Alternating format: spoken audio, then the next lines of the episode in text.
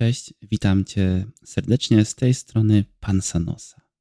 Dokładnie dwa lata temu, 9 lipca 2021 roku, mój świat rozpadł się na miliony małych kawałeczków. Brutalne zderzenie z rzeczywistością. Knockout, który kosztował mnie utratę zdrowia zarówno fizycznego, jak i psychicznego. W jednym momencie zostałem odcięty. Odcięty tak naprawdę od rzeczywistości. Od rzeczywistości, przed którą uciekałem, której starałem się nie zauważyć, nie pracując nad sobą, nie pracując z ludźmi, którzy mnie otaczali.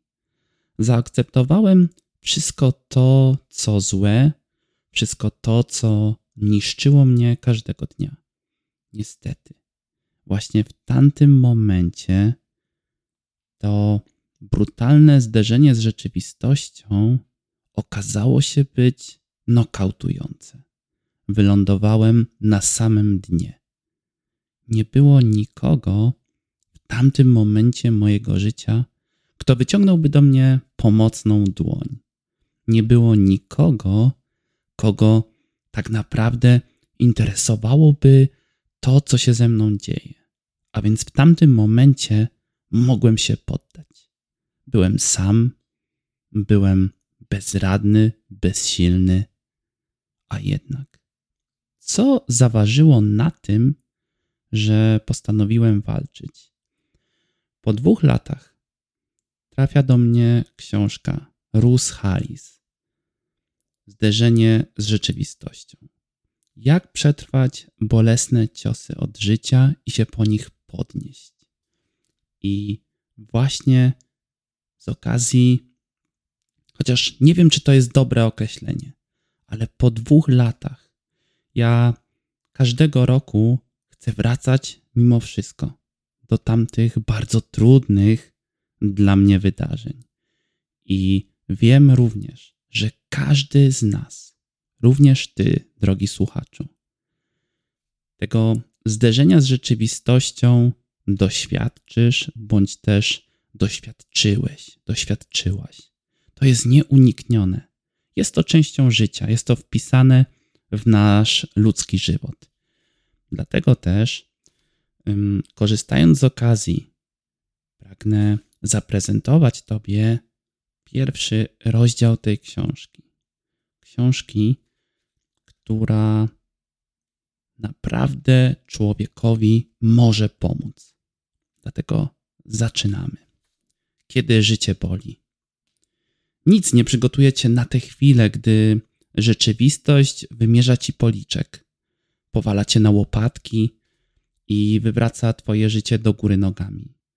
Zderzenie z rzeczywistością może przebierać różne formy, takie jak śmierć bliskiej osoby, poważna choroba czy uraz, przerażający wypadek, rozwód, zdrada, napaść, niewierność, brutalna przemoc, utrata pracy, bankructwo, wojna, pożar, powódź, trzęsienie ziemi, pandemia. Można by tak wyliczać w nieskończoność. Nie lubimy zderzeń z rzeczywistością i za nic w świecie ich nie chcemy. Ale jeśli będziemy żyć wystarczająco długo, prędzej czy później ich doświadczymy. Jedno przy tym jest pewne: im poważniejsze zderzenie, tym silniejszy ból odczuwamy. W zależności od tego, z czym mamy do czynienia. Naszym udziałem może być szok, smutek, złość, strach, lęk, przerażenie, poczucie winy, wstyd, a nawet nienawiść, rozpacz czy wstręt. Niekiedy ból jest tak dotkliwy, tak nieznośny, że układ nerwowy przejmuje kontrolę i wyłącza nasze uczucia, pozostawiając nas w odrętwieniu z poczuciem wewnętrznej pustki lub martwoty. I ja właśnie takiego poczucia wewnętrznej pustki, tego odrętwienia zaznałem. Jeśli mamy szczęście i zderzenie z rzeczywistością nie jest zbyt silne, możemy dojść szybko do siebie. Podnosimy się z łopatek, otrzepujemy się z kurzu, znajdujemy rozwiązanie swojego problemu i żyjemy dalej. Ale co wtedy, gdy brak prostego rozwiązania? Gdy umiera ukochana osoba, rzuca nas partner lub partnerka, albo tracimy pracę, gdy odnosimy poważne obrażenia, zapadamy na ciężką chorobę, padamy ofiarami brutalnej przemocy niszczącej nam życie, gdy nasi bliscy chorują lub cierpią, gdy świat pogrąża się w chaosie wywołanym pandemią. Zderzenie z rzeczywistością zawsze wiąże się z jakąś stratą.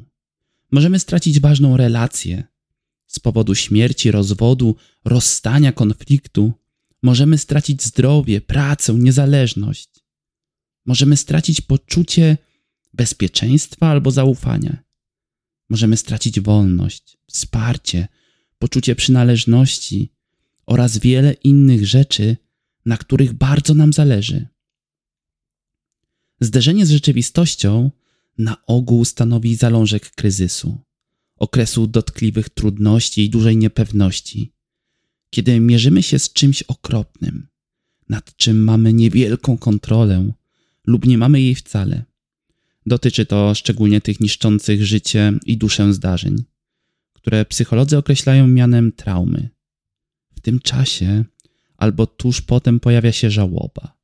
Wbrew, po, wbrew powszechnemu przekonaniu, żałoba nie jest smutkiem, to w ogóle nie jest emocja. Żałoba to psychiczny proces reakcji na dotkliwą stratę. Trakcie tego procesu możemy odczuwać szereg emocji, od smutku i lęku po złość i poczucie winy, a także doświadczać reakcji fizycznych, takich jak zakłócenie snu, zmęczenie, letarg, apatia czy wahania łaknienia. Pięć etapów żałoby. Dr Elizabeth Kubler-Ross wyróżniła słynnych już pięć etapów żałoby, a mianowicie zaprzeczenie, gniew, targowanie się, depresję i akceptację. Choć opisywała je w kontekście śmierci i umierania, to jednak dotyczą one wszystkich rodzajów straty, kryzysu i traumy. Nie są to etapy odrębne i dobrze zdefiniowane. Większość ludzi nie doświadcza wszystkich pięciu i nie następują one w ściśle określonej kolejności. Pojawiają się i znikają, przechodzą jeden w drugi, zdają się kończyć, żeby nagle znów się zacząć. Bez względu na charakter straty, z pewnością doświadczysz przynajmniej niektórych z nich. Dlatego warto pokrótce je omówić. Zaprzeczenie oznacza świadomą albo nieświadomą odmowę lub niemożność uznania realności sytuacji. Może się ono przejawiać w formie niechęci do rozmawiania lub myślenia o tej sytuacji, udawania, że nie ma ona miejsca, poczucie odrętwienia bądź zamknięcia albo wszechobecnego poczucia nierealności, oszołomienia, wrażenia, że to tylko zły sen. Na tym etapie gniewu możemy się złościć na samych siebie, na innych ludzi albo na życie jako takie. Często pojawiają się także wtedy bliscy krewni gniewu, uraza, oburzenie, wściekłość, obraza albo silne poczucie niesłuszności lub niesprawiedliwości. Targowanie się oznacza podejmowanie prób zawierania umów zmieniających rzeczywistość może obejmować wszystko. Od kierowanych do Boga próśb o wytchnienie po proszenie chirurga, by zagwarantował powodzenie operacji. Często wiąże się z myśleniem życzeniowym albo fantazjowaniem o alternatywnych scenariuszach. Na przykład, gdyby to się wtedy wydarzyło, gdybyż to się wtedy nie wydarzyło. Etap depresji ma mylną nazwę. Nie chodzi tu bowiem o powszechne zaburzenie kliniczne. Chodzi o emocje, takie jak smutek, żal, ubolewanie, strach, lęk i niepewność, które stanowią naturalne reakcje człowieka na dużą stratę. Z kolei akceptacja oznacza pogodzenie się z nową rzeczywistością, zamiast zmaganie się z nią czy jej unikanie. Daje nam to wolność wykorzystywania energii do stopniowej odbudowy naszego życia która to odbudowa w danej chwili może wydawać się niemożliwa. Reakcje walki, ucieczki i zamierania. Chaosowi wywołanemu bolesnym zdarzeniem z rzeczywistością towarzyszą nieprzyjemne reakcje fizyczne. Każdy z nas doświadcza w tej dobrze znanej reakcji. Walcz lub uciekaj, a niektórzy także mniej znanej reakcji. Zamieraj. Aby zrozumieć te reakcje, ich przyczyny i oddziaływanie na nas, musimy się cofnąć w czasie. Wyobraź sobie naszego praprzodka, który podczas samotnego polowania na króliki nagle staje oko w oko z ogromną niedźwiedzicą. Na ułamek sekundy praprzodek zamiera.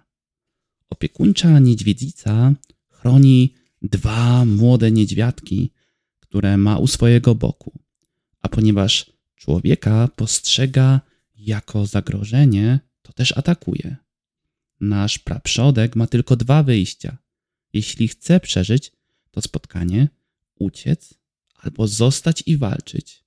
Z prędkością większą niż prędkość świadomej myśli jego autonomiczny układ nerwowy przejmuje stery. Jak wiesz, autonomia oznacza podejmowanie własnych decyzji. Stąd właśnie nazwa tego układu. Podejmuje on własne decyzje dotyczące tego, co jest dla ciebie dobre, bez udziału świadomego umysłu. Twój umysł nie mówi: Och, lepiej przełączmy się w tryb walki lub ucieczki. Autonomiczny układ nerwowy podejmuje te, te decyzje za ciebie. Zanim w ogóle zdążysz zauważyć, myśl, i to on natychmiast przygotowuje twoje ciało do walki lub ucieczki. Wróćmy do naszego praprzodka. Jego autonomiczny układ nerwowy uruchamia tryb walcz lub uciekaj.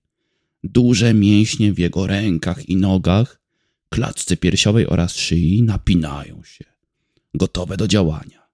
Jego organizm zalewa adrenalina, a serce zaczyna szybciej pracować, pompując krew do mięśni. Praprzodek przechodzi w tryb walki i jak najmocniej rzuca swoją włócznią. Ale rzut nie jest dobry. Włócznia jedynie drasnęła niedźwiedzia, tak że ta nieznacznie krwawi. Zwierzę wpada w furię, a praprzodek nie ma już innej broni. Dlatego najszybciej jak potrafi ucieka. Poza ucieczką nic się teraz nie liczy. Niedźwiedzica jest jednak szybsza od niego, dopada go i powala na ziemię. Teraz praprzodek nie ma szans na pokonanie niedźwiedzicy w walce, ani żadnej możliwości ucieczki. Zatem ponownie z prędkością większą od prędkości świadomej myśli, jego autonomiczny układ nerwowy przejmuje kontrolę. Ponieważ rozpoznaje, że reakcja walczy lub uciekaj nie jest już przydatna, przełącza ciało praprzodka w tryb zamieraj. Dlaczego? Dlaczego tak się dzieje? Dlatego, że niedźwiedzie nie lubią, gdy ich ofiara z nimi walczy. Tak więc im bardziej człowiek krzyczy, im bardziej się szarpie, z tym większą brutalnością niedźwiedź go atakuje. Największe szanse na przeżycie zapewnia leżenie nieruchomo i bycie jak najciszej. I właśnie w takiej chwili przydaje się reakcja zamierania. Nerw błędny, drugi co do wielkości po rdzeniu kręgowym, nerw w naszym ciele. Aktywnie unieruchamia praprzodka, paraliżuje jego mięśnie, tak że ten dosłownie nie może się ruszyć. Jednocześnie wyłącza też jego uczucia. Dlaczego? Ponieważ im mniejszy ból odczuwa praprzodek, tym mniej będzie krzyczał i walczył. Ten leży więc na ziemi, niemal dosłownie zamarły, sparaliżowany strachem, odrętwiały. Jeśli będzie miał szczęście, to kiedy umilknie i przestanie się ruszać, Niedźwiedzica straci zainteresowanie nim i odejdzie. Możliwe też, iż praprzodek wytrwa w tym stanie wystarczająco długo, by ktoś zdążył się pojawić i go uratować. Nasz układ nerwowy i ciało są zaprogramowane w taki sposób, by reagować walką, ucieczką lub zamarciem na każdy rodzaj zagrożenia. To łączy układ nerwowy człowieka z układem nerwowym wszystkich innych ssaków a także ptaków, gadów i większości ryb. Zderzenie z rzeczywistością są groźne, dlatego wywołują w nas reakcje. Walcz lub uciekaj. Najczęściej przejawia się to w postaci strachu i lęku, ucieczka, a niekiedy dominuje złość, walka. W najpoważniejszych sytuacjach, gdy nasz układ nerwowy dostrzeże, że walka i ucieczka są daremne, przechodzimy w tryb zamierania. Takim trybie możesz doświadczać dosłownie zamarcia. Nie jesteś w stanie się ruszyć ani wydobyć z siebie słowa. Możesz nawet stracić przytomność albo doznać tak zwanego doświadczenia poza ciałem. W dniach i tygodniach następujących po zderzeniu z rzeczywistością reakcje walki, ucieczki i zamierania będą najprawdopodobniej uruchamiać się wielokrotnie. Może je wtedy z łatwością wywołać wszystko, co nam przypomni, przez co przeszliśmy. Zarówno doświadczenia wewnętrzne, czyli wspomnienia, myśli, uczucia, doznania, jak i bodźce zewnętrzne. Konkretne osoby, miejsca, jedzenie, muzyka, fotografie, przedmioty, książki, wiadomości i tym podobne. Walka przejawia się w postaci złości, frustracji i drażliwości. Ucieczka strachu i lęku, zamartwiania się, a jeżeli chodzi o zamieranie, odrętwienie, apatia, zmęczenie, wyłączanie się, odłączanie, to ostatnie często staje się pożywką dla poczucia daremności, beznadziei i rozpaczy. Co możemy zrobić? Prawdę mówiąc, większość z nas nie radzi sobie zbyt dobrze ze zderzeniami z rzeczywistością.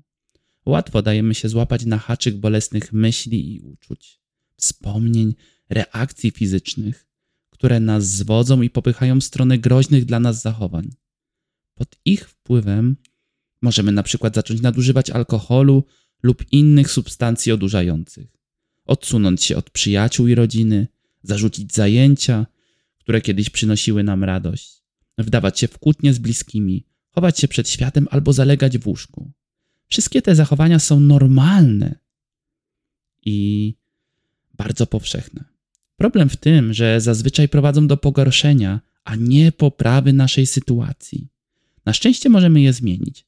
Możemy się nauczyć nowych i skutecznych sposobów reagowania na żałobę, stratę i kryzys. Ta książka bazuje na zasadach terapii akceptacji i zaangażowania. Jest to podejście oparte na wynikach badań naukowych opracowane przez amerykańskiego psychologa Stevena Heisa w latach 80. ubiegłego wieku. Kiedy piszę te słowa w roku 2020, dostępnych jest ponad 3000 badań dotyczących akt, opublikowanych w czołowych czasopismach naukowych, potwierdzających skuteczność tej terapii w wielu przypadkach. Od żałoby, depresji i lęku po uzależnienia, choroby przewlekłe i traumy. Jest to efektywne, praktyczne podejście, które pomaga wyjść ludziom poza ból i cierpienie oraz budować bogate, znaczące życie mimo przeciwności. Zapoznam Cię z nim krok po kroku w kolejnych rozdziałach. Zanim przejdziemy dalej, chciałbym podkreślić dwie rzeczy. Po pierwsze, nie istnieje jedyna słuszna czy właściwa reakcja na zderzenie z rzeczywistością. Każdy reaguje inaczej. inaczej. Zatem odpuść wszelkie wyobrażenia o tym, co się powinno odczuwać, a czego nie, albo jak długo coś powinno lub nie powinno trwać. Na przykład niektóre osoby płaczą przez kilka dni lub tygodni, podczas gdy inne wcale. I obie reakcje są normalne. Po drugie, nie istnieje jeden najlepszy czy poprawny sposób radzenia sobie z żałobą, stratą i kryzysem. Każdy ra radzi sobie inaczej, a to, co sprawdza się u jednej osoby, może nie pomóc innej. W tej książce znajdziesz mnóstwo wskazówek, narzędzi, strategii i sugestii, które okazały się pomocne dla wielu osób, co nie oznacza, że sprawdzą się zawsze u każdego. Dlatego eksperymentuj z opisanymi przeze mnie metodami, modyfikuj je i przystosowuj tak, aby dopasować je do swojej wyjątkowej sytuacji i towarzyszącej jej wyznań. A zatem także rezygnuj ze wszystkiego, co się nie sprawdza. Moi drodzy, zderzenie z rzeczywistością, Rus Harris, gdańskie wydawnictwo psychologiczne. Polecam wszystkim bardzo, bardzo mocno. Ja po dwóch latach, czytając właśnie tę książkę, jeszcze raz mogę dogłębniej i lepiej zderzyć się z rzeczywistością, która w tamtym okresie bardzo mocno wpłynęła na moje życie. Na szczęście jestem tu, gdzie teraz jestem. Otaczam się dobrymi, wyjątkowymi ludźmi. I takim też człowiekiem ja sam chcę być. Tobie, mój drogi słuchaczu, odbiorco, życzę wszystkiego, wszystkiego dobrego. Dziękuję i do usłyszenia.